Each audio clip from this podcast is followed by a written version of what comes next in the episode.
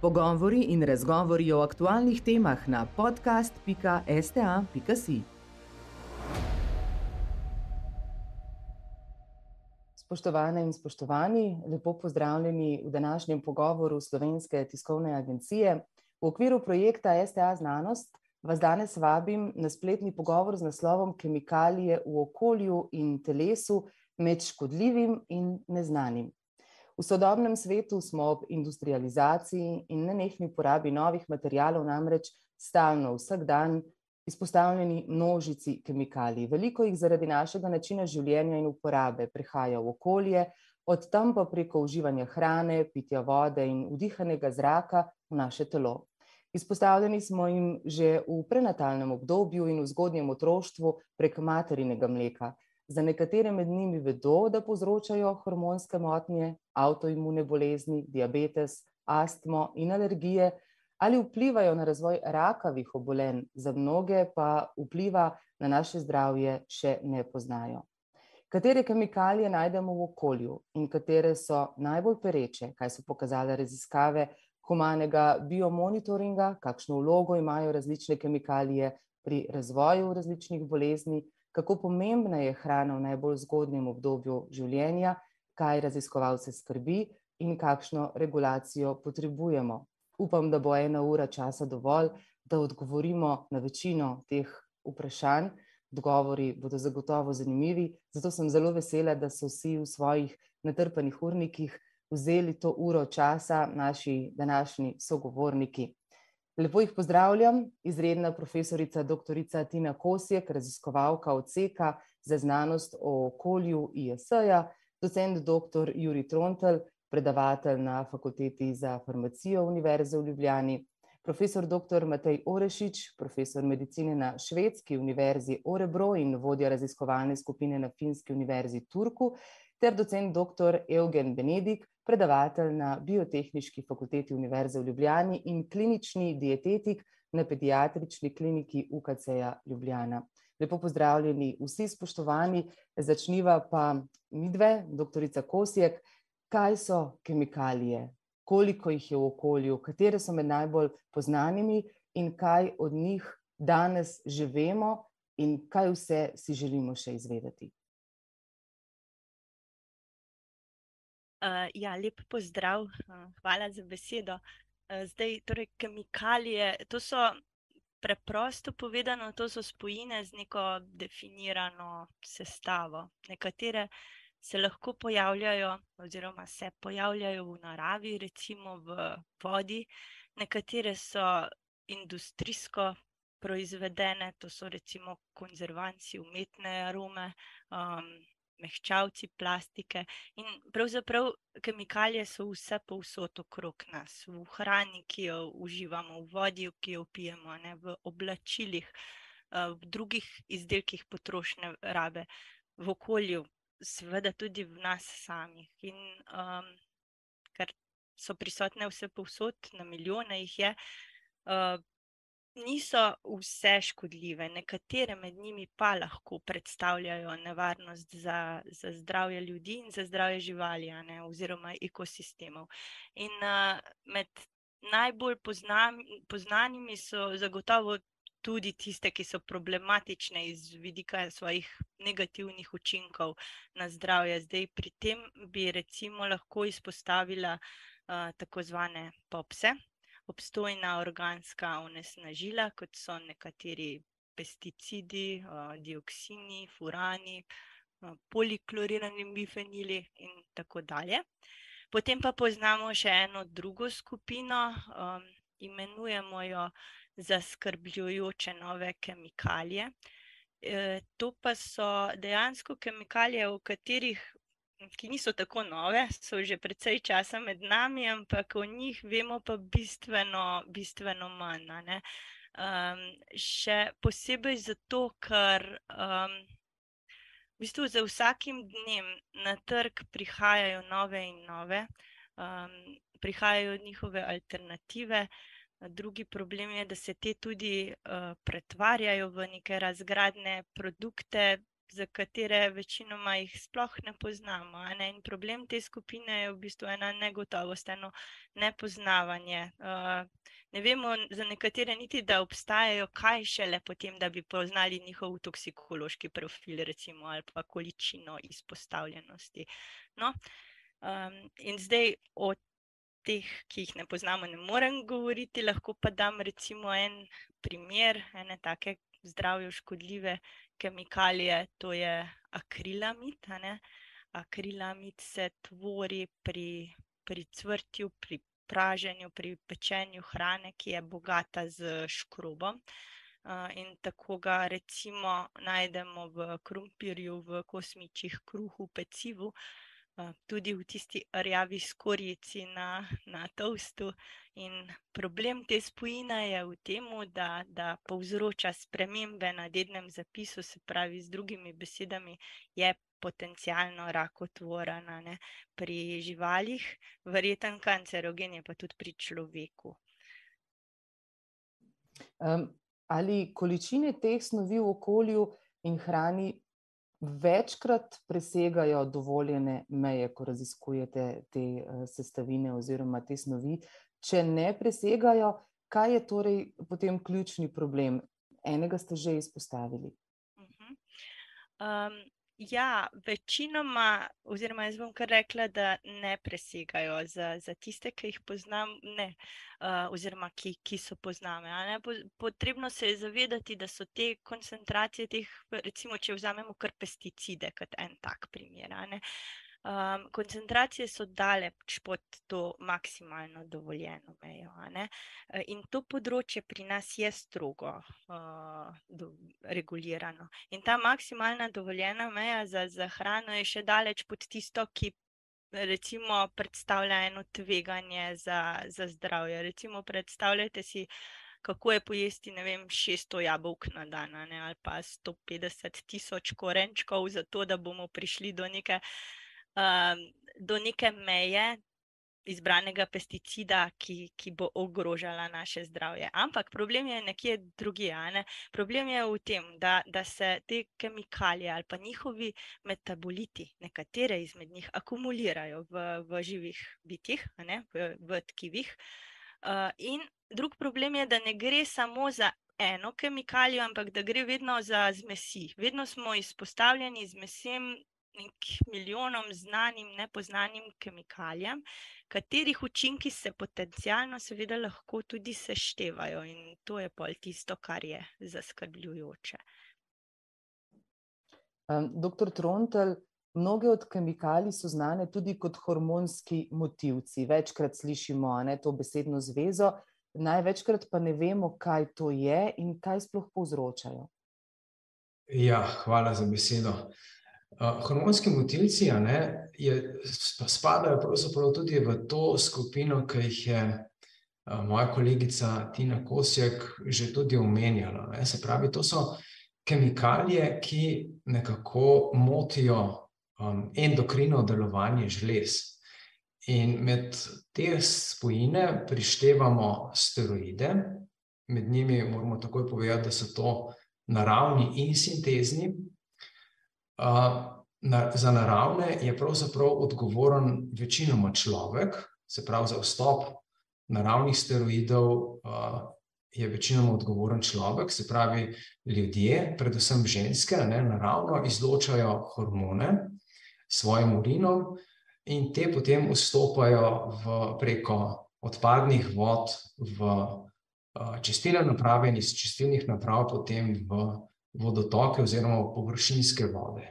Potem so pa še tudi naravni hormoni, ki so izločeni iz živali, in tukaj je predvsem obremenjujoča uh, živinoreja, se pravi, predvsem intenzivna živinoreja, uh, prek katerega po, po, v nekaterih državah, ki so bolj nagnjene k velikim farmam, veliki produkciji uh, mesa, mlečnih izdelkov, predstavlja to celo večji delež kot človeški doprinos naravnih steroidov v okolju. Tak primer je recimo uh, Nizozemska, kjer ocenjujejo, da je na dan, da se izloči tudi do 40 kg estrogenov preko živinoreje v vodno okolje. Ne. Ocenjena količina iz s strani ljudi pa je okrog 3,6 kilograma, ne, samo za Nizozemsko govorim. Podoben primer je tudi, vem, Argentina in tako naprej, se pravi tiste države, kjer imajo veliko živinoreje. No, potem so med hormonskimi motilci tudi fenolne spojine. Mednje štejemo predvsem bisfenole, ki so plastifikatorji, se pravi, se uporabljajo pri proizvodnji plastičnih materialov, tudi pri proizvodnji hrane, se pravi embalaže, ki obdaja hrano, so prisotni ti plastifikatorji, in potem tudi sredstva za osebno nego in higieno vsebujejo nonilfenol, ki je tudi lahko hormonsko aktivna spojina, se pravi, kozmetični izdelki tudi obremenjujejo okolje zaradi tega, ker se lahko obnašajo na kot agonisti na estrogenskih receptorjih. No, potem so pa še zdravila. Mednje štejemo peroralne kontraceptive, se pravi, po domače povedano, tabletko, ne, proti zanositvi, in te hormone se relativno redko nadzira v okolju. To je naša skupina pravzaprav s tem začela in smo jih zaznali kar v konkretnih koncentracijah v v vtokih in iztokih čistilnih naprav. No, potem imamo še ftalate. Ftalati so ravno tako kot prej bisfenoli podobno plastifikatorji v proizvodnji PVC-ja in ostalih plastičnih materialov in pa polifluorirane alkilne spojine oziroma PFAS-i, kakor jim rečemo, to so pa spojine, ki se uporabljajo pri embalaži hrane, posod, pen za za gašenje požarov in tako naprej. To so spojine, ki so tako imenovane neuničljive oziroma večna kemija ji tudi rečemo, ker so tako stabilne v okolju, da se zelo težko razgradijo. no, in potem so še preprečevalci gorenja, ki se uporabljajo v elektroniki, v tekstilu, v pohištvu, in njihov, njihovo vsebnost zaznamo tudi v hišnem prahu kot posledica razpada tekstila. Potem so še poliklorirani bifenili dioksini, to jih je omenila že kolegica Kosjekova, a ne, te se zdaj sicer manj uporabljajo in se tudi bolj nadzirano odlagajo v okolju, morajo iti na sežig, a ne, potrebna je izredno visoka temperatura za njihovo popolno zgorenje, ne, ampak so še vedno prisotni v okolju kot posledica preteklih onesnaženj.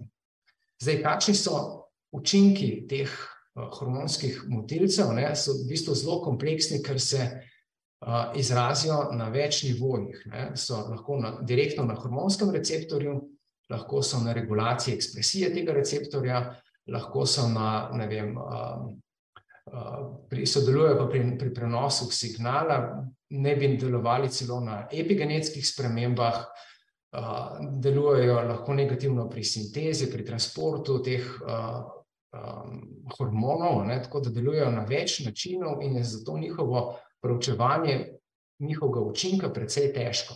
Zdaj na, na vodnih organizmih je njihovo delovanje v okolju pravzaprav še najbolj problematično, ne. Opažamo velik upad populacij rib, dvoživk v naravi, kar pripisujemo ravno hormonskim motilcem. Zdaj, jaz sem bil včasih ribič in se spomnim, kako sem z grozo opazoval, kako je bilo vedno manj potočnih postrvi v, v naši reki, ne. vedno manj je bilo, in dokler niso začeli vlagati ribiči prav v potočnih postrvi, se pravi mladic, je padala in padala in padala ta populacija, ne. Potem druga stvar so dvoživke, kjer tudi opažamo velik upad, nekatere so tudi ogrožene na meji izumrtja, recimo nekaj dosti pupkov, močerado in tako naprej, bistveno manj, kot jih je bilo. potem najbolj se pa to seveda izrazi na ribah in ne samo v sladkovodnih ribah, tudi opažajo velik upad v morskih, v morski vodi, ne, ker si vsi mislijo, ja, morje je tako ogromno, tam se te snovi ne morejo pokazati, pa so se, ne. Pri ljudeh pa če gledamo, kaj so te hormonski motilci, pa povzročajo lahko spremenjen metabolizem, ne vem, recimo lipidov, vplivajo negativno na krvožilni sistem, vplivajo na napačno oziroma spremenjeno delovanje spolnih žlez, povzročajo prezgodno puberteto pri ženskah, policistične ovarije, dismenorejo, pri moških pa predvsem se kaže to kot na velik upad plodnosti. Ravno pred par leti je bila objavljena raziskava, ne, kjer so opazili, da je pri v zahodnih državah, se pravi Amerika, Zahodna Evropa, Nova Zelandija, so opazili zelo strm in konstanten upad živih spermijev, ne, pri moških in to so pripisali ravno večjim, večji vsebnosti hormonskih motilcev. Hvala lepa. Ne ravno odgovor, kot bi si ga želeli, ampak odgovor, ki ga moramo slišati, mogoče bo kaj drugače pokazala potem prihodnost. Doktor Orešič, delno je bilo že odgovorjeno, zdajle pa mogoče še z vaše strani, pa seveda pozdrav na Švedsko, zelo sem vesela, da virtualni dogodki omogočajo, da se lahko slišimo tudi s Švedsko. Mimogrede, mogoče samo za gledalce, tudi oni ne bodo imeli zasneženega božiča, če se ne motim, ne, doktor Orešič. kako te škodljive snovi v okolju, kako so povezane z boleznimi? Mogoče na splošno, kaj kažejo raziskave, poleg tega, kar je mogoče doktor Trontelj že omenil?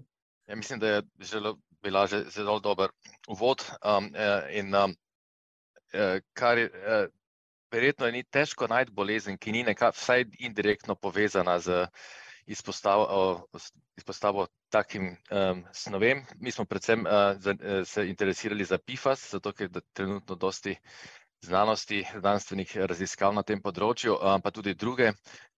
problem je v tem, da se, da več teh substanc ima vpliv na imunski sistem, na metabolizem in večina bolezni ima komponento tega imunskega sistema in metabolizma, zato, zato je povezana z velikimi, velikimi različnimi boleznimi.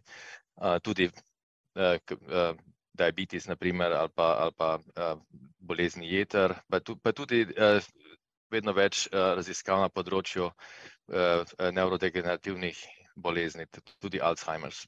smo, smo tudi, imamo en, eno študijo skupaj z NIH, z ameriškimi skupinami, kjer se študira trenutno specifično vpliv raznih snovi, kemikalij na, na razvoj Alzheimerjeve bolezni.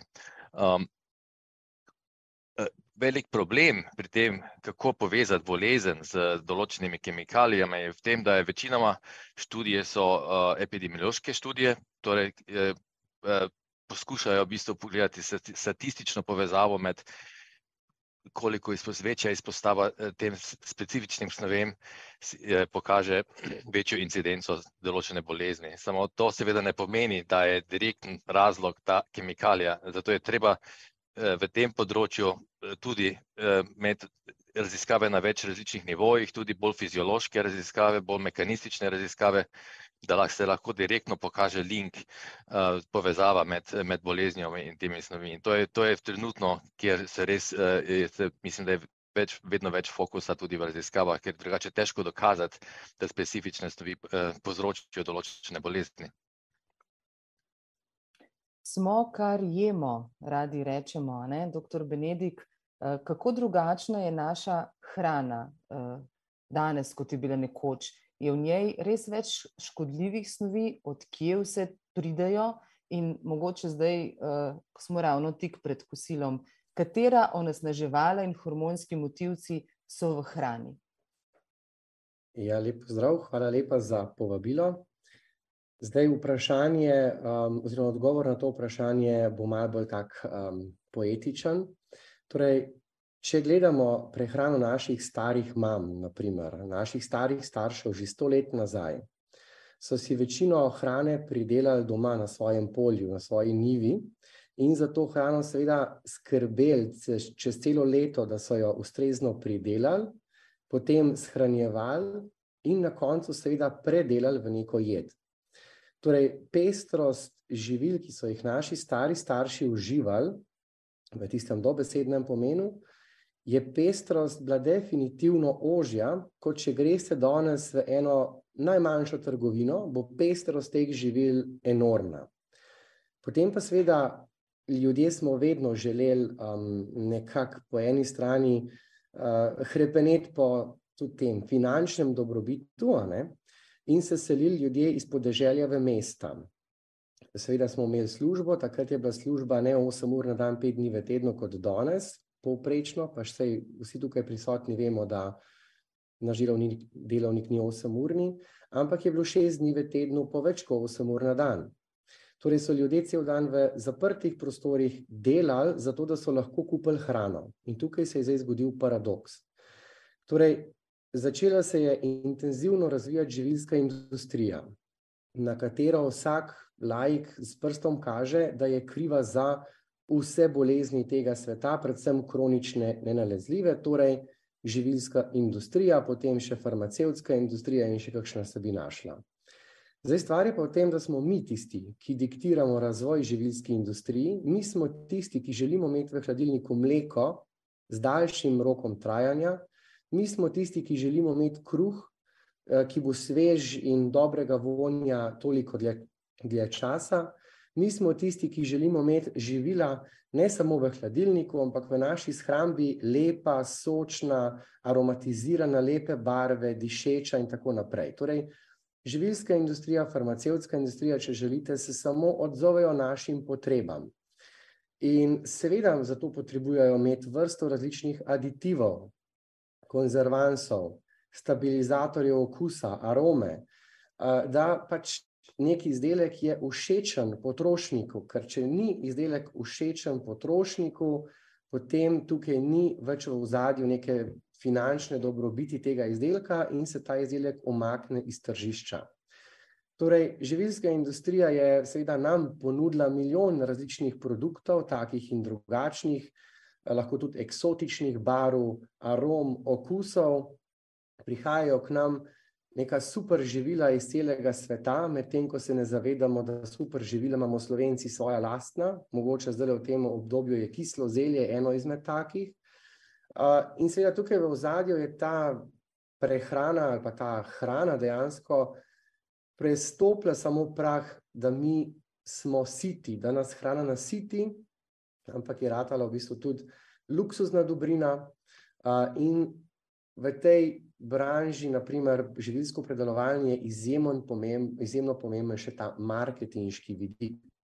Torej, hrana je postala za nas marketinško zanimiva, ljudje se odločamo ne samo glede na ceno, ampak tudi glede na ceno, na barvo, na zunanje izgled, tudi embalaže. Naprimer, zdaj uh, je zelo popularno biti na neki vrste ekološko sprejemljivi embalaži, seveda vse lepo in prav, ampak tudi tisti, ki, ki razvijajo te materijale in se ukvarjajo s temi materijali, novimi biološkimi materijali, spet ni vse zlato, kar se sveti.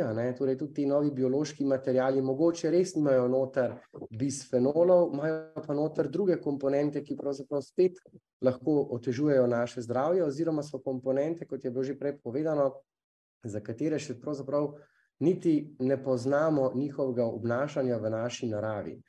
Tako da pri hrani in prehrani, če se vrnem nazaj na osnovno vprašanje, je v bistvu tako zelo, zelo zanimiv medij. Vsi rabimo jesti, to, to se vseh tiče, vseh nas se tiče hrana.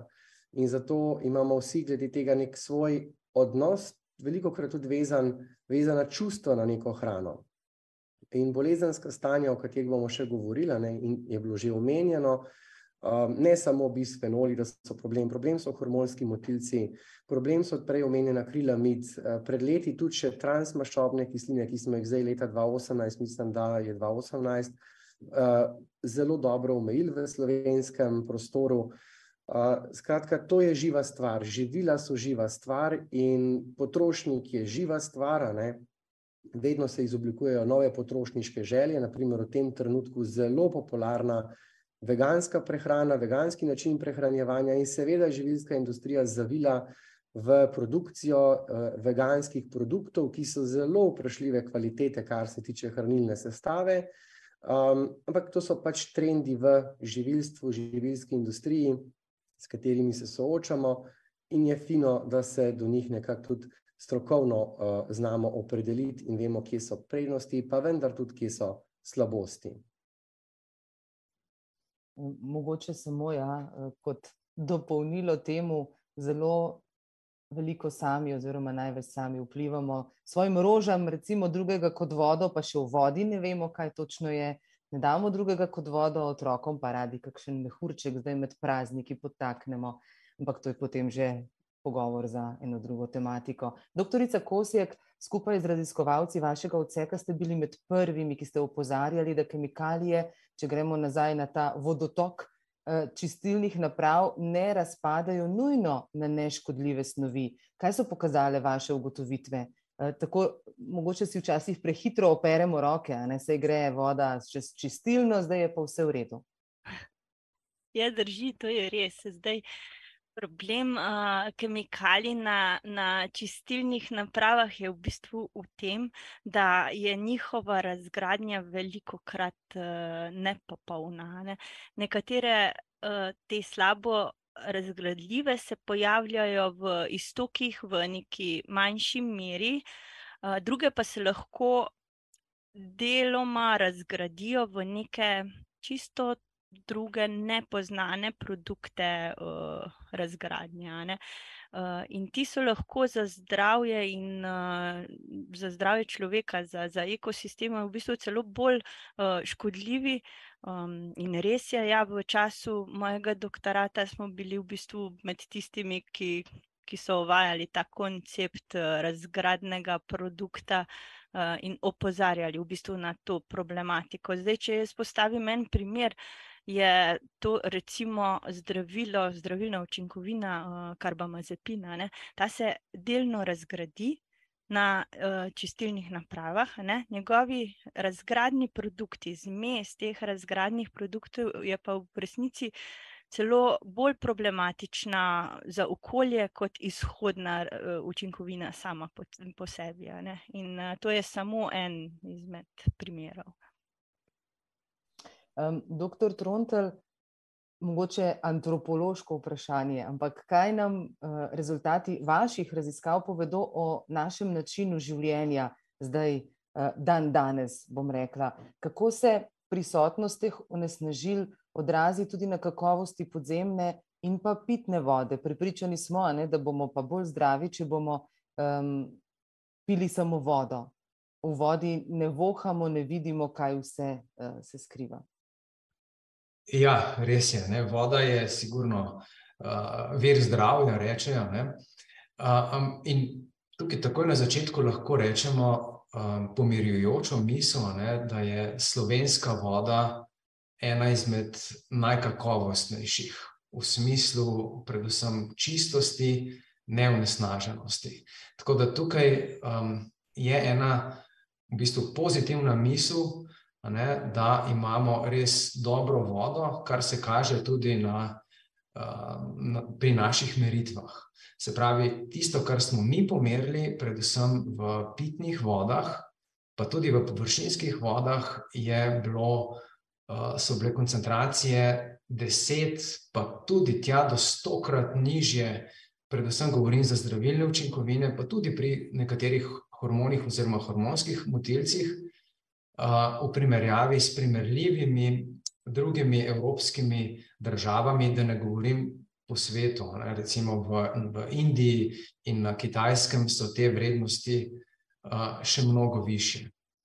Tako da iz tega vidika je to pomirjujoče, ne, ampak ne smemo pa zdaj na teh lovorikah zaspati ker imamo pa tudi razlog za zaskrbljenost. In sicer so, je razlog ta, da smo opazili naraščanje, uh, vseeno naraščanje koncentracij nekaterih teh onesnažil v podzemni vodi. Se pravi, ne samo v površinskih vodah, ampak tudi v podzemni. In to je pravzaprav problem, ker obstaja komunikacija, seveda, se odkje pa naj podzemna voda pride, če ne iz površine. Ne? Se pravi, podzemna voda nastane preko dotoka, prek teh prodnatih delov zemljine v podzemlje, in tam v bistvu je tudi pretok, tam teče, je ta podzemna voda se premika, ampak počasneje, kot je tista na površini. In zdaj, če mi onesnažimo površinsko vodo s svojimi odplakami, se pravi prek čistilnih naprav ali pa pretočnih greznic, lahko pa pride direktno ne, preko nepretočnih greznic, pridejo onesnažila v to podzemno vodo. No, in v teh smo mi zaznali, recimo tudi tam, kjer bi človek pričakoval, da bi mogla biti ultra čista voda, recimo na izviru uh, um, na Zelencih, ne, se pravi izvir Save Dolinke, tam smo zaznali zelo visoko koncentracijo recimo bisfenola S. Um, ne, ne predstavljivo visoko, ne tako visoko, kot jo recimo zaznamo v, v Savi, mnogo niže dol, ne, recimo ne vem, pri, v Savi pri Naklem ali pa Mednem celo. Tako da opažamo torej, da so se te viri, vodni viri začeli tudi uh, pojavljati noter v njih uh, onesnažila.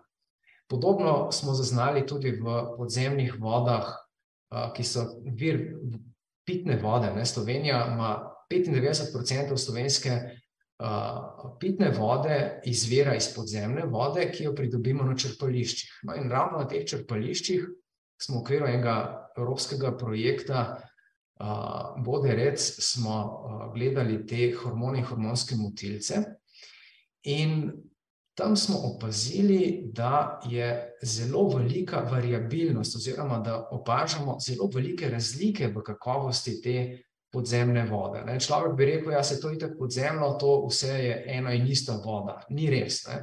Voda je zelo različna, se pravi, če pogledamo že na istem črpališču, recimo v Belkah. Ali pa v Mengšu, če potegnemo iz različnih globin, je zelo, zelo različna kakovost te vode. Tako da um, imamo torej meritve, ki kažejo, da je slovenska, uh, tudi podzemna voda, se začela onesnaževati, in sicer tam najdemo uh, tako bisfenol A, bisfenol S, bisfenol E, uh, najdemo tudi estron, estradiol, sintezni hormon etinil estradiol potem in to, te, te vrednosti, recimo za estron, estradiol in etinil estradiol, so ponekod celo presežene uh, dovoljene koncentracije, kot jih določa Evropska direktiva uh, za kakovost vode. Se pravi, po, nek po v nekaterih primerjih, recimo v belkah, tudi za faktor 10, celo do 100 krat presežene uh, te dovoljene meje. Ne? Tako da ne glede na to, da imamo relativno čiste površinske vode in tudi podzemne, moramo uh,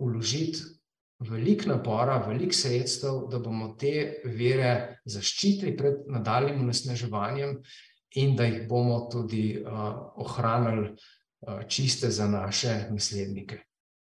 Mogoče eno uh, zelo lajično pod vprašanje na to temo pitne vode. Smo še vedno krasna država in še vedno nam iz vsake pipe lahko rečemo, teče pitna oziroma priteče pitna voda.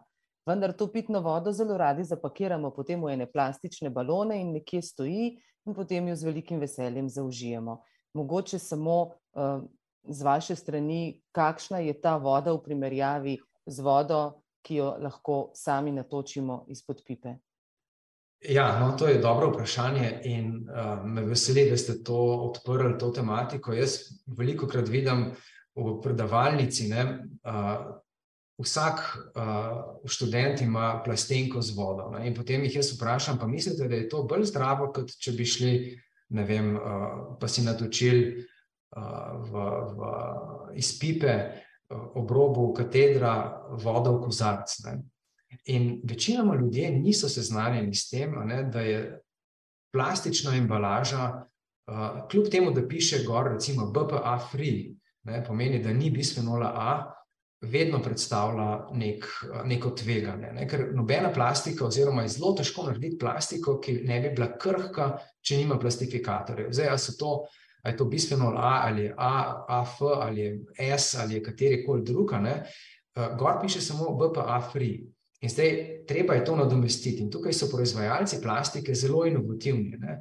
Recimo pred petimi, šestimi leti smo zaznali zelo veliko bisfenola A v vodotokih. Zdaj se je to popolnoma spremenilo. Ne. Zdaj je recimo bisfenola S stokrat več, kot ga je bilo pred petimi leti, bisfenol A je pa padel za faktor 50. Ne. In zato, samo zato, ker je, to, je to regulirana uh, spojina, ne, jo je treba nadzirati, in so enostavno proizvajalci šli na drug bisfenol, ki pa se ne, uh, ne detektira, se ne nadzira, ne, in je potem uh, ga oni lahko pač uporabljajo brez omejitev. Tako da uh, to je treba vedno vedeti. In tako da jaz študentom vedno, vedno rečem, uh, raje si natočite v steklene uh, vsebnike ali pa pite iz kozarcev, kot pa da imate plastične te embalaže, ne, zaradi tega, to imejte samo takrat, ko greste vem, na izlet v hribe, ker je masa ne, v tisti uh, plastenki, je pomemben, pomembna masa vsebnika. Ne. Drugač pa vedno raje pite iz, uh, iz steklene embalaže. Ne. Tako da, ja, mi, mi smo bili udeleženi v eni taki raziskavi, kjer smo gledali uh, ravno to uh, vsebnost v plastiki vode, Pomembno je, koliko časa je tista voda noter stala, pomembno je, kakšna temperatura je bila uh, in slabše, večje rezultate vsebnosti bisfenola A smo videli tam, kjer je bila plastična embalaža večkrat uporabljena uh, in kjer je bila poškodovana površina. Najvišjo vrednost smo pa uh, dobili pri pitju iz teh steklenih, oziroma ne, pardon, plastičnih lončkov iz avtomatov. Ne. Tam, ker se pa natoči vroča voda noter, ne, tam se da izbrati tudi, uh, da se da uh, voda za čaj in najvišjo vrednost smo tam dosegli, ker je skoraj vrela voda preteče v tisti plastičen lonček, tam, smo, tam je šlo preko našega kalibriranega območja. Ne. Se pravi, več, kot smo v najhujših primerih pričakovali. Hvala. Še en dober nasvet uh, za vsakodnevno službeno natakanje čaja. Uh, zdaj pa, doktor Orešič, greva še na področje, ki zelo uh, pridobiva na pomenu v, svetu, ekspozom. Nam lahko razložite mogoče v tem trenutku, zakaj pravzaprav gre. Pa tudi danes ste že omenili PFAS kemikalije, odkje pridejo, kje vse jih najdemo lahko omenite, seveda, najbolj znano italijansko jed in kako to zavijamo, mogoče, če se dotaknemo, lahko še kulinarike. Tako, kar se tiče ekspozoma, zdaj, eh, ne vem, če sploh obstaja slovenska uradna definicija. Jaz bi se rad povedal, da eh, kaj to splošno pomeni. To je, ekspozom je v bistvu merilo vseh izpostavljenosti posameznika v življenju, v toku življenja in kako so te izpostavljenosti povezane z, z, z zdravjem. To To pomeni zunanji vplivi, kot tudi notranji vplivi. Zunanji vplivi uh, so naprimer tudi kemikalije, o katerih se danes pogovarjamo, pa so tudi uh, razni socialni dejavniki, so stres, um, je tudi uh, mogoče uh, okolje, socialno okolje, uh, služba um, in pač poskušamo najti mere, ki so potem povezane preko tako imenovanega notranjega ekspozoma z, z bol, raznimi boleznimi ali zdravjem. Notranji ekspozom, na to mi, tu mislimo na metabolični sistemi, eh, imunski sistemi, eh, tudi, tudi mikrobi, eh, črvesni mikrobi, naprimer, um, in kako so ti povezani potem z zunanjimi vplivi in ti, kako potem so, to pomeni, da je ekspozom je ena veda, kjer je, delamo z ogromno količino podatkov, ampak z novimi meritv, merilnimi sistemi in z novimi um, big data, ta, uh, uh, umetno inteligenco, je mogoče te stvari sedaj bolje povezati kot v preteklosti. Zato, zato v bistvu gremo v, v tej smeri v raziskavah. V naših raziskavah smo predvsem pove, uh, nas zanima te perfluorinirane substance, uh, PFAS, ki, um, ki uh, so v bistvu podobne strukturno um, maščobnim kislinam, samo da je vodik, ki je zamenjan z, z fluorom. Um, uporabljajo se predvsem uh, v produktih, industrijskih produktih, kjer uh, moramo imeti uh, uh, vodoodporno površino. To naprimer v kuhinjskih produktih, tudi oblekah. Um, um, in danes uh, jih najdemo povsod. V vodi, kako je bilo že povedano, um, v ribah, uh, naprimer Baltsko morje je je bila študija narejena na eni, pri eni skupini, kjer so ugotovili, da ribje meso ni zdra, je povezano z diabetisom tipa 2. V, če, če so, samo te ribe so bile z Balskega morja in to je bilo predvsem zaradi PFAS, ne, ne zaradi eh, maščobnih eh, maščob, ki so v teh ribah, ki so zdrave um, um, same. Um, uh, kar se tiče PFAS, um, kar vemo, je ministri, nordijski, zdravstveni, zdravstvene ministrstvo nordijskih držav so pripravili en dokument pred, pred kratkim, so rekli, da je v, Evropskem, v Evropi približno zdravstveni stroški letni v Evropi za, povezani z PFAS so približno 50 do 80 milijard evrov vsako leto. In je tudi ravno včeraj bila novica, da je 3M, da je največji producent uh, PFAS, uh, da bo končal proizvodnjo PFAS, vseh PFAS do leta 2025. Um, um, ta glavna dva PFAS, ki se imenujeta PFOS in PFOA, um, PFOS je bil že reguliran od 20 let nazaj v Evropi, PFOA približno dve leti nazaj in zdaj trenutno je približno 130 drugih PFAS uh, se, uh, se uh, v, verjetno se bo začelo regulirati v Evropi, eh, je pa drugače v, na Kitajskem, kjer je dosti manj regulacij in tudi v ZDA.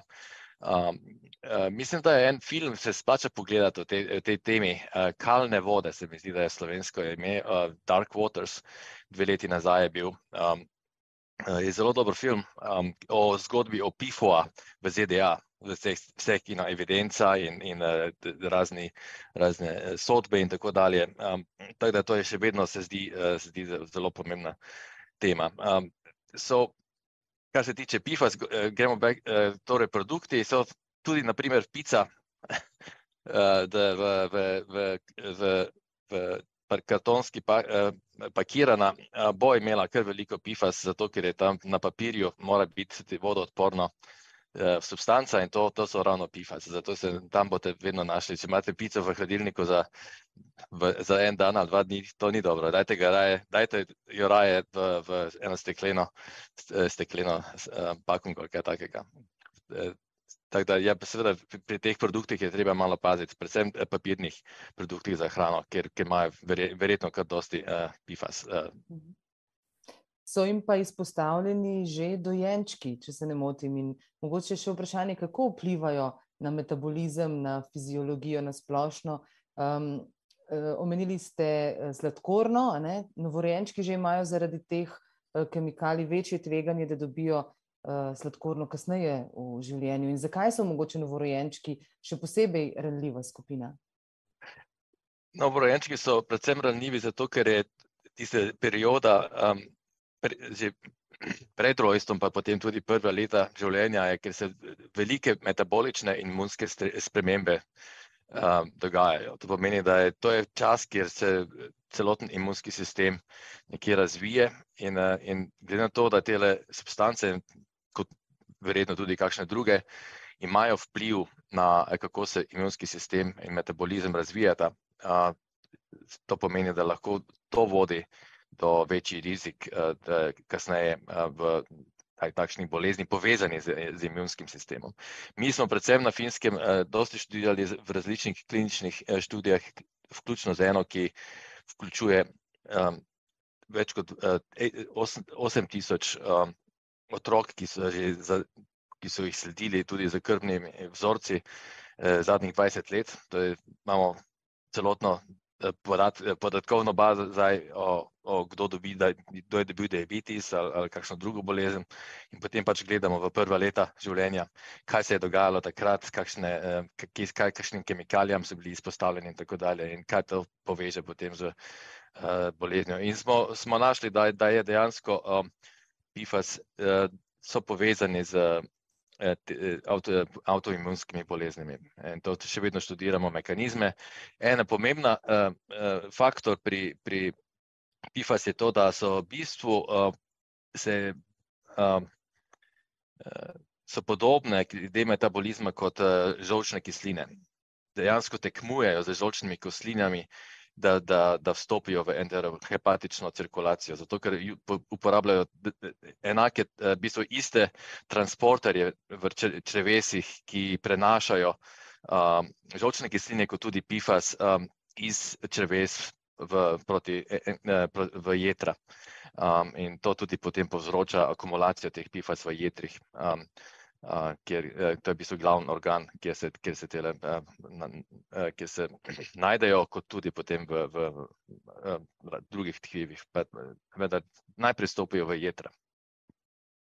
Ostajamo pri najranljivejših in sicer pri uh, novorojenčkih.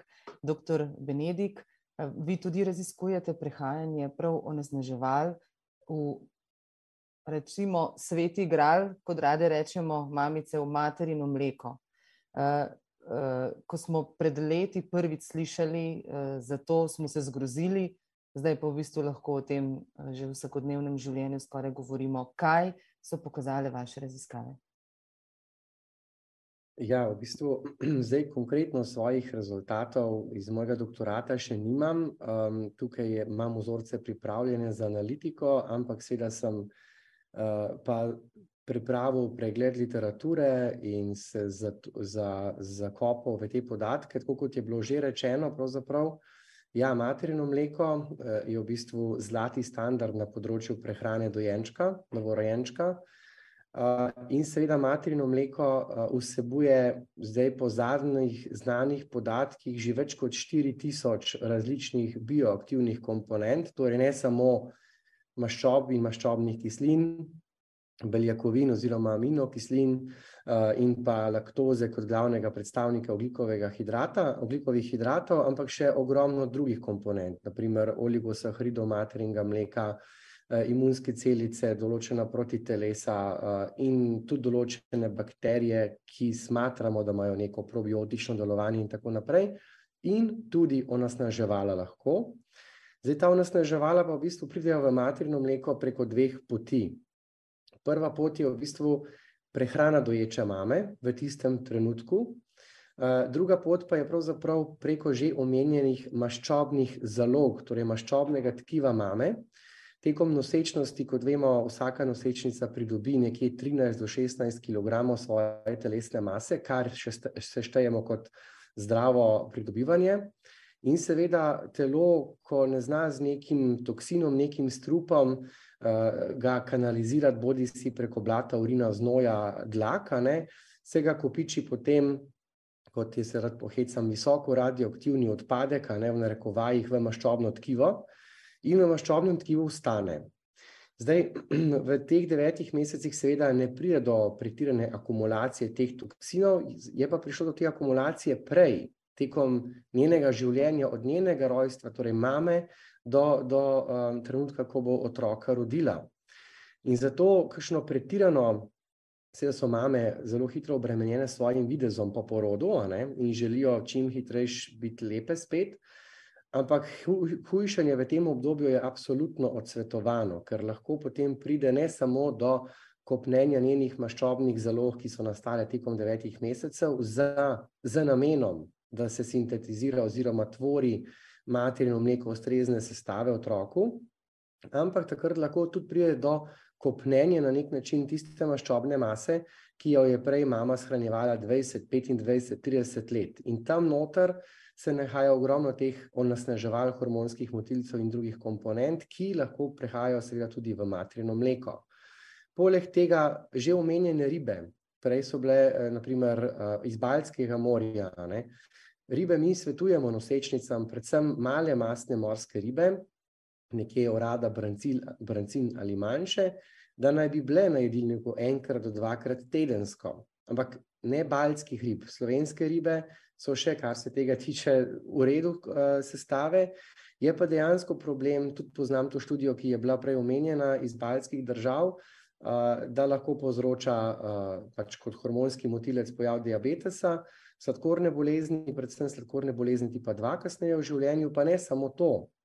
Zdaj, tukaj so še študije, ki nakazujejo na to, da lahko pride do, spe, do spektra avtističnih motenj na nek način, da lahko pride do drugih nevroloških obolenj, lahko pride do aktivacije drugih genov, ki so odgovorne za nastanek kroničnih, nenalezljivih bolezni, ne nazadnje tudi raka. In všeč mi je, da govorimo o tej tematiki, zaradi tega, ker mi veliko problemov, s katerimi se soočamo, rešujemo seveda takrat, ko se z njimi soočimo. Ko ima nekdo srčno-žilne težave ali pa presnovno, presnovni sindrom ali pa metabolični sindrom pri 30 letih, takrat noben ne bo razmišljal, kaj smo mi narobe naredili kot sistem, kot država v tem ranem otroštvu. Zdaj pa študije kažejo, kot je bilo prej omenjeno, ravno s pomočjo umetne inteligence, ogromno, ogromno uh, dejavnikov mi pravzaprav spregledamo že v zgodnem otroštvu. Torej, že v prenatalnem in pa postnatalnem obdobju. Uh, in je fino, da se pravzaprav s tovrstnimi okroglimi mizami dotikamo tudi teh posameznih komponent, ker to, kaj mi danes jemo, seveda se ne bo poznalo nujno jutri, razen če se zastrupimo s hrano, ampak bo ta vpliv viden v tem epigenetskem smislu prehranskega programiranja šele tretjo generacijo v popolnosti. Torej, tretja generacija, veste, kdaj je to? Šele. In takrat je zelo težko povezati tiste vplive na neko zgodno uh, otroštvo. Zato tudi pri nas v Sloveniji imamo neko manjšo kohortno študijo, sicer nažalost ne 8000 otrok vključenih v to študijo, jih imamo pa približno 150 iz mojega, mojega doktorskega dela, ki jih tudi sledimo. Torej, zdaj bodo ti otroci stari 12-13 let in trenutno prijavljamo en RRS projekt ravno na temo hormonskih motilcev, Um, in pa vpliv teh hormonskih motilcev na morebitno prezgodno menarho pri ženskah, oziroma po drugi strani se hormonski motilci lahko pri fantih kažejo kot zapoznel pubertetni razvoj. Pri ženskah je to prehiter, pri fantih pa menda prepozen. Torej, to bomo z našimi endokrinologi se dotaknili te teme.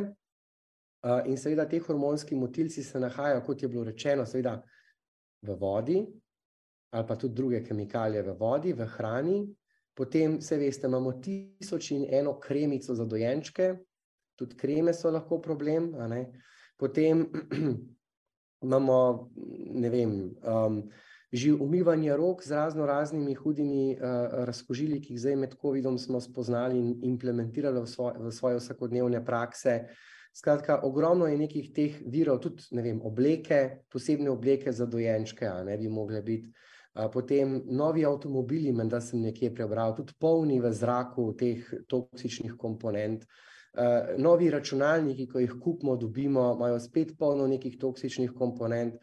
Skratka, po eni strani smo spet tam, potrošnik želi te stvari, po drugi strani pa si sami sebi kopljamo probleme, s katerimi se soočamo kot javno zdravstveni problemi. To so večinoma javno zdravstveni problemi. Tako da um, materino mleko ostaja zlati standard, uh, seveda je pa potrebno vedeti in se zavedati, kako, kaj vse dejansko lahko vpliva na samo kvaliteto uh, uh, materinega mleka. Torej, ko prihajamo na obisk k novorojenčku, če mu želimo dobro, mu prej prinesemo rabljena oblačila, kot pa čisto nova, torej čim večkrat oprana. Ne, eh, nekaj šale vmes, ampak je pa tudi nekaj resnice v tem. Mogoče, doktor Benedik, samo še eh, pod vprašanje, na kaj pa bi morali pri prehrani sami paziti, kot posamezniki, kot starši, in kaj je tisto, kar lahko naredi eh, država na drugi strani. Že to, recimo, ko smo umaknili sladke pijače, je bila to stvar in odločitev odločevalcev, ki je definitivno vplivala na celotne populacije mladostnikov. Ja. Umenili ste sladke pijače, mogoče en tak zanimiv podatek. Um, če otrok dobi vsaj dva deci sladke pijače na dan, pa je lahko tudi, tudi doma 100-odstotni bio-ekosadni sok, če hočete, mu poveča tveganje za pojav sladkorne bolezni, ko bo ta otrok star 30 let, za vsaj 30 odstotkov. Torej, zato, med drugim, tudi zaradi tega so se te sokovi umaknili iz vrtcev in šol. Druga stvar, prej je bilo že malo omenjeno, uh, um, to zgodno otroštvo, zgodno obdobje je zelo, zelo um, krhko iz vidika imunskega, dozrevanja imunskega sistema in tako naprej. Če vam postrežem še z mogoče eno tako drugo plastično ponazoritvijo. Torej, če si predstavljate pridobivanje telesne mase v gramih na dan, pri povprečnem človeku, od, od, spočetja, torej od spočetja naprej, v prvih devetih mesecih pri, pride do enormnega porasta. Že od nič gramov teže zarodka, mase zarodka, mora priti na svet otrok, ki je 3,5 kg, 4 kg težek. Potem v prvem letu otroci potrojijo svojo telesno maso, potem pa začnejo počasi uh, upočasniti pridobivanje, ponovno se aktivira pridobivanje v fazi pubertete in nekje pri 21. letu, 22. letu, praviloma, se, uh, je, je pravzaprav um, ta prirast enako nič, kar pomeni, da ohranjamo svojo telesno maso. Če še vedno pridobivamo, govorimo o čezmerno hranjenih otrocih oziroma debelih otrocih. Torej, v tem obdobju, ko mi intenzivno se razvijamo in rastemo, naše telo potrebuje zdaj ne samo beljakovine za mišično maso, ampak kot lahko rečemo vse vitamine, minerale, makrohranila. Zato je v tem obdobju sploh pomembno, kaj mi otroku dajemo na krožnik. In tukaj ima Slovenija veliko za postoriti. Mi se radi pohvalimo, da ima Slovenija odlično organizirane eh, šolsko prehrano. Res je, je odlično organizirana, ampak kaj pa pride na ta krožnik, je pa drug problem. Uh, potem vrtci so na nek način spet svoje vrstne fenomene, ampak vrtci kar, kar dobro se držijo nekih norm ali pa priporočil. Tukaj država lahko še veliko postori v širšem pomenu besede. Kaj pa mi lahko naredimo, je pa definitivno to, da postanemo bolj racionalni pri porabi živil, pri nakupovanju živil. Torej, izkazalo se je med korono, kar je zelo žalostno, da povprečen slovenc niti ne zna deklaracije dobro prebrati na živilu, niti ne ve, kaj pomeni naprimer, datum proizvodne, menjajo za datum po, uh, uh, končnega roka uporabe. To je problem, uh, da poskušamo posegati po bolj lokalnih živilih, sezonskih živilih. Zdaj ne bom tukaj rekel, vedno nujno najboljše so ekološka, pa ne, to, to ni vedno najboljša varianta, nažalost. Um, nimamo zdaj časa, da bi šli v vse te detajle, ampak imamo potem tukaj samo mogoče pri ekoloških jabolkih, ki so super, ker so ekološko pridelane, ampak imate pa mikotoksinov v teh ekoloških jabolkih bistveno več, kot v nekih jabolkih, ki so bili v, nekih, uh, v nekem intenzivni pridelavi uh, pridelana. Tako da to imate pluse, minuse um, in seveda poskušamo biti racionalni, poskušamo kupovati lokalno, sezonsko, poskušamo kupovati hranilno bogata živila. Torej, to so živila, ki jih mi kupimo in iz njih sami nekaj pridelamo, ker med korono se je tudi izkazalo, da starši, predvsem mlade generacije, sploh kuhati več ne znajo.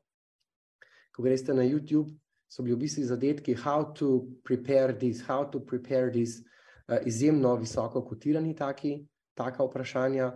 Um, skratka, tukaj se moramo sami vprašati, kje smo kot družba, kaj lahko kot družba naredimo, uh, in to je definitivno, da posegamo po lokalnih živilih in jih tudi sami v največji možni meri pripravljamo in se izogibamo nakupovanju živil z dolgim rokom uporabnosti, predvsem procesiranim mesnim in procesiranim rastlinskim pripravkom. Um, to so hranilno izjemno revna živila, da posegamo po polnovrednih žitaricah, čim več zelenjav na našem krožniku, um, omejimo na nek način tudi vnašanje mesa, uh, ne da ga prepovemo, absolutno ne, ker meso potrebujemo, ampak da ga lahko konkretno zmanjšamo, uvedemo kakšen brezmesni dan, en, dva na teden. Uh, in posegamo po ribah, in tako naprej, zdaj ne baljskih ribah, ne kot smo slišali. Tako da veliko lahko naredimo sami, ker sami smo potrošniki in moramo začeti najprej pri sebi. To je prva stvar. Ko bomo mi zahtevali kot potrošniki na trgu taka živila, se bo živilska industrija našim željam in zahtevam prilagodila. Samo moramo mi večinsko imeti željo po takih živilih. Dokler je ne bo, ne moramo od živilske industrije pričakovati nekega čudeža. Hvala lepa. Pod črto manj je več. Jaz upam, da imate še deset minut časa, da mi kdo ne zbeži, ker bi rada, da zaključimo res to izjemno zanimivo uh, debato. Uh, doktorica Kosijek, ostajava v bistvu pri najmlajših, pri najbolj ranljivi skupini. V zadnjih letih se posvečate humanemu uh, biomonitoringu, uh, torej, če mogoče povem, merjenju koncentracij kemikalij v krvi, urinu, slini, semenski tekočini, izdihanem zraku, materinem mleku, laseh, nohtih ali drugih tkivih pri ljudeh. In v tem okviru izvajate tudi zelo redne analize vzorcev slovenskih šolarjev iz različnih regij v Sloveniji. Zaupajte nam, kaj kažejo zadnje raziskave. Mhm. Ja, tako je v okviru uh, slovenskega nacionalnega humanega biomonitoringa v sodelovanju z NIOZ izvajamo te raziskave. Uh, in pri otrocih in mladostnikih, šoloobveznih, zbiramo uh, vzorce urina, krvi, las, tudi sline. Zdaj, poleg teh vzorcev, v bistvu pridobimo pomembno tudi odgovore na nekaj preprostih vprašanj v zvezi z življenjskim slogom pri prehranskih navadah. Um, teh osnovnih celic, njihovih, se pravi, družine, a ne pri tem pomagajo, seveda, starši.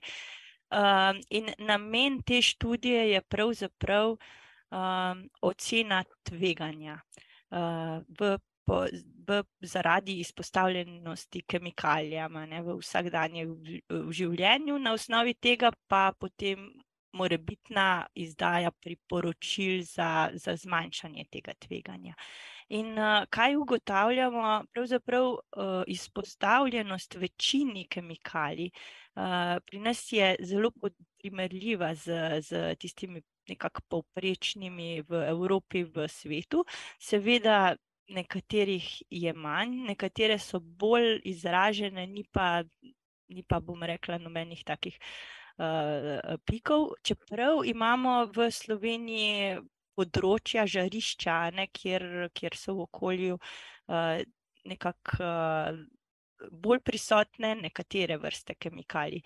Je pa spet uh, zdaj to res, da um, spremljamo v bistvu tarčne kemikalije, se pravi tiste, ki jih naprej določamo, koliko jih mi ne poznamo in koliko jih ne spremljamo, ne, uh, je pa potem seveda druga zgodba. Ste pa v bistvu pred kratkim z netarčno analizo pregledali vzorce urina slovenskih šolarjev in našli pesticide. Kako zaskrbljujoče pa je to, mogoče, če lahko na, na kratko? Ja, eh, to je res. Zdaj, eh, pravzaprav ehm, gre za en pesticid, ki smo ga našli. Našli smo jih več, ki so omejeni, ampak ta atrazin konkretno je pa že dlje časa prepovedan pri nas. Govorimo o 20 letih približno. Zdaj, odgovor na vprašanje, zakaj je še vedno tam, odgovora pravzaprav ne poznamo. Je pa res, da je to pesticid, ki se v okolju zelo dolgo časa razgrajuje. Se pravi, da potencialno so nekje neki depoji. Uh, poleg tega pa uh, je prisoten tudi v vodonosnikih, ne? na nekaterih kmetijskih področjih v Sloveniji, pa točno tam, kjer smo, kjer smo ga v bistvu našli za netarčno analizo. Ne, kar je zanimivo, se pravi, zelo verjetno obstaja neka povezava. Jaz vam obljubim, da bomo to v bodoče bolj raziskali uh, v, te, v tej smeri, se pravi, seveda gremo. Uh, zdaj, drugi razlog je pa mogoče tudi lahko, ne vem, da se ni zaznal kak nezakonit uvoz tega sredstva, mogoče stare zaloge, vse je le ugibanje. Zdaj, spet pa je to. To je šlo za eno naključno ugotovitev, in pri tem se človek vpraša, um, ali nas mora bolj skrbeti ta pesticid ali vse tisto, česar pravzaprav nismo našli. Da, no, Hvala lepa. Doktor Trontel, počasi zaključujemo. Uh, zato prosim za kakšen nasvet ob koncu, da naredimo eno uh, črto pod pogovor in tudi pod leto, skoraj da, kako lahko sami poskrbimo, da bo to vrstih snovi, o katerih danes eh, govorimo, v okolju manj. Spet smo pri posamezniku, seveda imamo tudi velike in večje krivce ne, za, za snovi v okolju, ampak začnemo pa vendarle doma na nek način. Ja, jaz mislim, da je to en zelo pomemben zaključek, ne, da um, sporočimo uh, poslušalcem oziroma gledalcem, uh, kaj lahko vsak posameznik pri tem naredi. In zdaj, um, vedno imamo opcijo uh, pri vsaki stvari, ki jo delamo v okolju, ki, ko mečemo embalažo stran, ko kupujemo, ko pripravljamo hrano, ko uh, jemljemo zdravila, ko karkoli delamo, moramo nekako imeti v svoji podzavesti, kaj se bo s tistim odpadkom potem naredili. Da to dejansko, ko mi zlijemo nekaj v stranično školko ali pa vržemo med komunalne odpadke, s tem tisto onesnažilo ne bo izginilo. Ne? To je treba zelo uh, imeti pred očmi. Se pravi, neporabljenih zdravil ne smemo vršiti med komunalne odpadke, ampak jih je treba nesti v zbirne centre ali pa v lekarno, kjer jih potem na varen način uh, odstranijo. Uh, druga stvar pa je izobraževanje mladih. Se pravi, vrtci, šole, uh, vsi izobraževalni sistemi morajo nekako ljudem dopovedati, jim spraviti v podzavest, da je okolje za nas ključnega pomena. Se pravi, zdravo okolje in tisto, kar mi delamo z njim, da bo imelo posledice ali za nas, ali pa za naše naslednike. In to, ne, da je vodni krok vzpostavljen, se pravi, ko mi nekaj zlijemo v odpadno vodo, to sicer res gre v čistilno napravo in slovenske čistilne naprave so učinkovite, ampak ker je teh onesnažil toliko in ima tak pretok teh onesnažil, vseeno za posledico, da so ta onesnažila vse čas prisotna tako v površinski vodi, kot potem tudi v podzemni vodi in v naši pitni vodi. In to zavest je treba spraviti do vseh ljudi. Kaj pa lahko naredi regulativa in država? Država in lokalne skupnosti, kot so recimo občine, pa morajo v čim hitrejši oziroma v čim večji meri vzpostaviti čim boljše načine čiščenja odpadne vode, se pravi, da stimulirajo prehod na čistilne naprave, tisti, ki imajo navadne greznice, da se, se, se pravi, ta komunalna infrastruktura čim bolj uredi ne, in da tudi obnavljajo dotrajane povezave med uh, kanalizacijskimi vodi in čistilnimi napravami, preko katerih lahko odteče tudi do 50% uh, vsebine te fekalne uh, vsebine v podzemlje. Ne. Tako da te stvari so vse na, na nas. Mediji imate pa tukaj zelo ključno vlogo. Ne? Tako da jaz sem zelo vesel, da ste to tematiko odprli. Zelo sem bil vesel sporočila in vabila, in sem vesel, da se zavedate tega in da poskušate tudi vi s svojim doprinosom do ljudi spraviti te pomembne informacije. Večkrat bi morali o tem govoriti, to se strinjamo. Uh, doktor Orešič, um, Za konec, na trgu je veliko kemikalij, ki sploh niso regulirane. Kako velik uh, problem je to, razvoj gre izjemno hitro naprej. Uh, imamo kakšne optimistične napovedi, da mogoče gremo v neko smer, uh, kjer ne bo tako veliko različnih poti in različnih smeri, ampak da se bo tudi strani regulatorjev izvedel in izvajal večji pritisk na to, kaj puščamo sebi in za nami. Ja, ja, regulacija je zelo eh, zahtevna, zato ker eh, kadarkoli pride do regulacije specifičnih um, kemikalij, potem bo industrija našla način, kako jih bo zamenjala. Da, kar je zelo pomembno, kar je dr. Toplak že rekel, um, je torej tudi javno mnenje. Um, in preko javnega mnenja je tudi pritisk na industrijo na osnovi znanstvenih podatkov, ki jih imamo. In naprimer, PIFAS je zelo dober uh, primer, zato ker 3M, kot je ravno bilo povedano včeraj, bo končal proizvodnjo uh, PIFAS uh, čez tri leta, um, oziroma, kako bi rekel, phase out. Um, um, kar, in to ni bilo zaradi regulacij, ampak je pri, predvsem zaradi pritiska iz javnosti, za strokovne stroke in tako dalje. Tako da mislim, da, da, da mora iti na več nivojih. Regulacija je ena, ampak tu je tudi obveščenost, izobraženost prebivalstva je tudi zelo pomemben faktor in potem tudi vloga medijev, seveda. Hvala lepa še, doktor Benedik, za zaključek. Je naša hrana varna, kot ste omenili?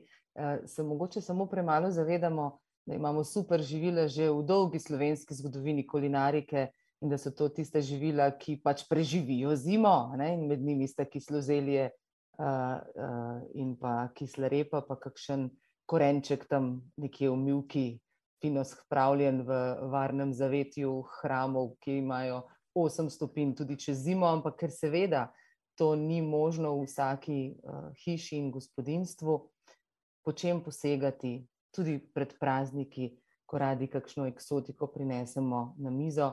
Manje več ste danes uh, že omenili, pa mogoče, ko um, razmišljamo o lokalnem in o domačem, bi pa mogoče svetovali letos kaj bolj domačega, super živilnega dati na mizo. Ja, v bistvu to je pač zelo kompleksno vprašanje. Ne? Eh, hrana ni samo, mislim, smo že daleč naprej od tega, da imamo hrano samo zato, da se nasitimo. Hrana nas tudi kulturno povezuje, nam daje neko identiteto. Slovenci imamo na tem področju kulinarično identiteto enormno, enormno in se lahko pravzaprav glede na velikost države v Evropi ali pa v svetu dejansko zelo, smo lahko zelo ponosni na našo to, um, ta del kulturne dediščine, če lahko temu tako rečemo.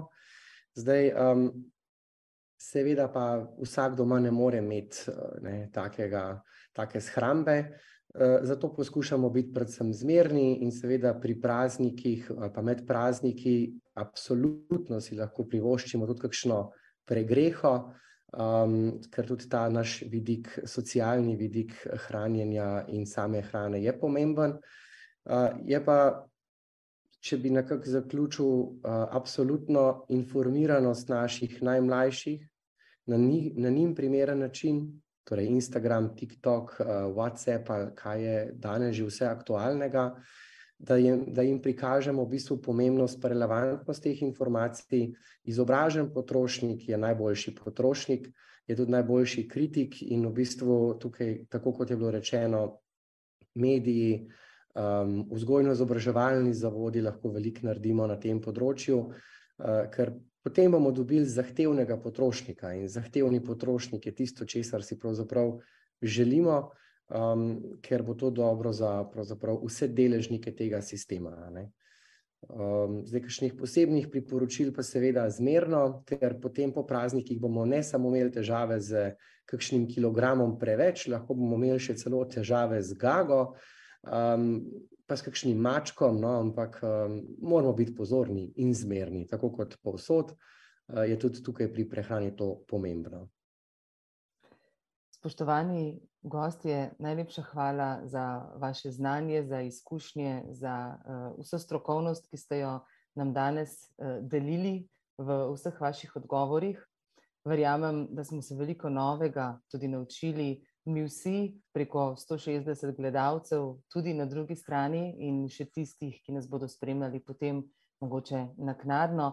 Hvala lepa, res obilo energije vam želim pri vašem delu in upam, da se bomo slišali, videli večkrat in tako poglobili znanje o tem, kako pomembno je, kaj damo nase, eh, vase, da ni treba, da je vse ravse, pataci, srepa in krompir, ampak da je vseeno zelo pomembno. Eh, kako bomo preživeli um, ne samo te praznike, celo leto, uh, ki ga zdaj le prebujamo na današnji 21. december, tudi z novimi sekundami svetlobe, tudi te vam želimo bilo uh, v novem letu. Srečno, hvala lepa in vse dobro, ter lepe praznike, spoštovani sogovorniki. In zares verjamem, da v novem letu, ko bo vse novo, drugače, da bo tudi boljše in da bomo znali izkoristiti ta čas in to znanje v dobrobit tega, kar prihaja, tudi za, za namce in za tiste, o katerih smo danes večkrat govorili, naše najmlajše, ki jim v bistvu želimo pustiti boljši svet, samo včasih nam zmanjka kakšna ura znanja. Hvala lepa, vse dobro in do naslednjič srečno. Nasvidenje. Pogovori in razgovori o aktualnih temah na podcast.sta.si.